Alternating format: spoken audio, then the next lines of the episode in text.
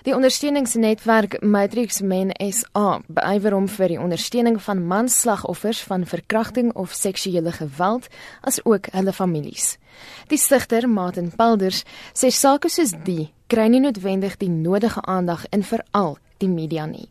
We've seen recently three large cases. So we have the Parkdown Boys case where 22 victims have uh, come forward with one teacher. We see in El Dorado Park there's a cycling coach that has uh, been found guilty of raping eight boys.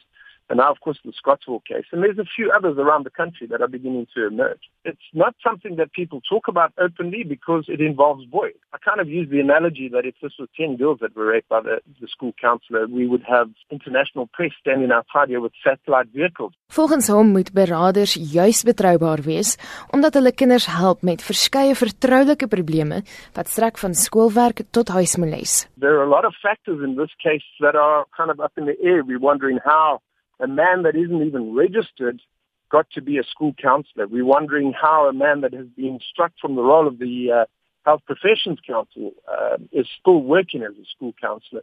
Uh, so there's a, there's a lot of things that we we we trying to flesh open in this case. Hy sê die saak plaas geweldige druk op die beweerde slagoffers en hulle families. Every time they brought in and told that they're going to testify and the case is postponed, we re-traumatize these, these victims. And we found from the parents are saying that the, the children are an absolute wreck for two weeks after the sort of thing happened. Van die slagoffers is glo jare lank gewelddadig verkragt. It's just a disgusting state of affairs that the court process then re-victimizes these children and of course the parents. They find it very difficult to deal with these children who are going through this trauma. Pauder sê dis van onskatbare belang om gesonde verhoudings met jou kinders te hê en om gereeld met hulle te praat oor wat by die skool en ander gebiede van hulle lewens gebeur.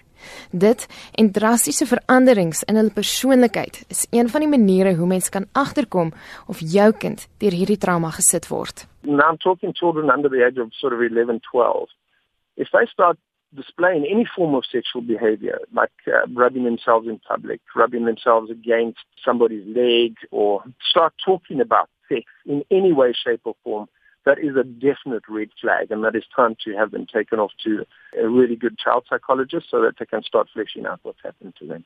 Dit was Martin Palders van die ondersteuningsgroep Matrix Men SA en Ax Marlene Forsie vir SAK nuus.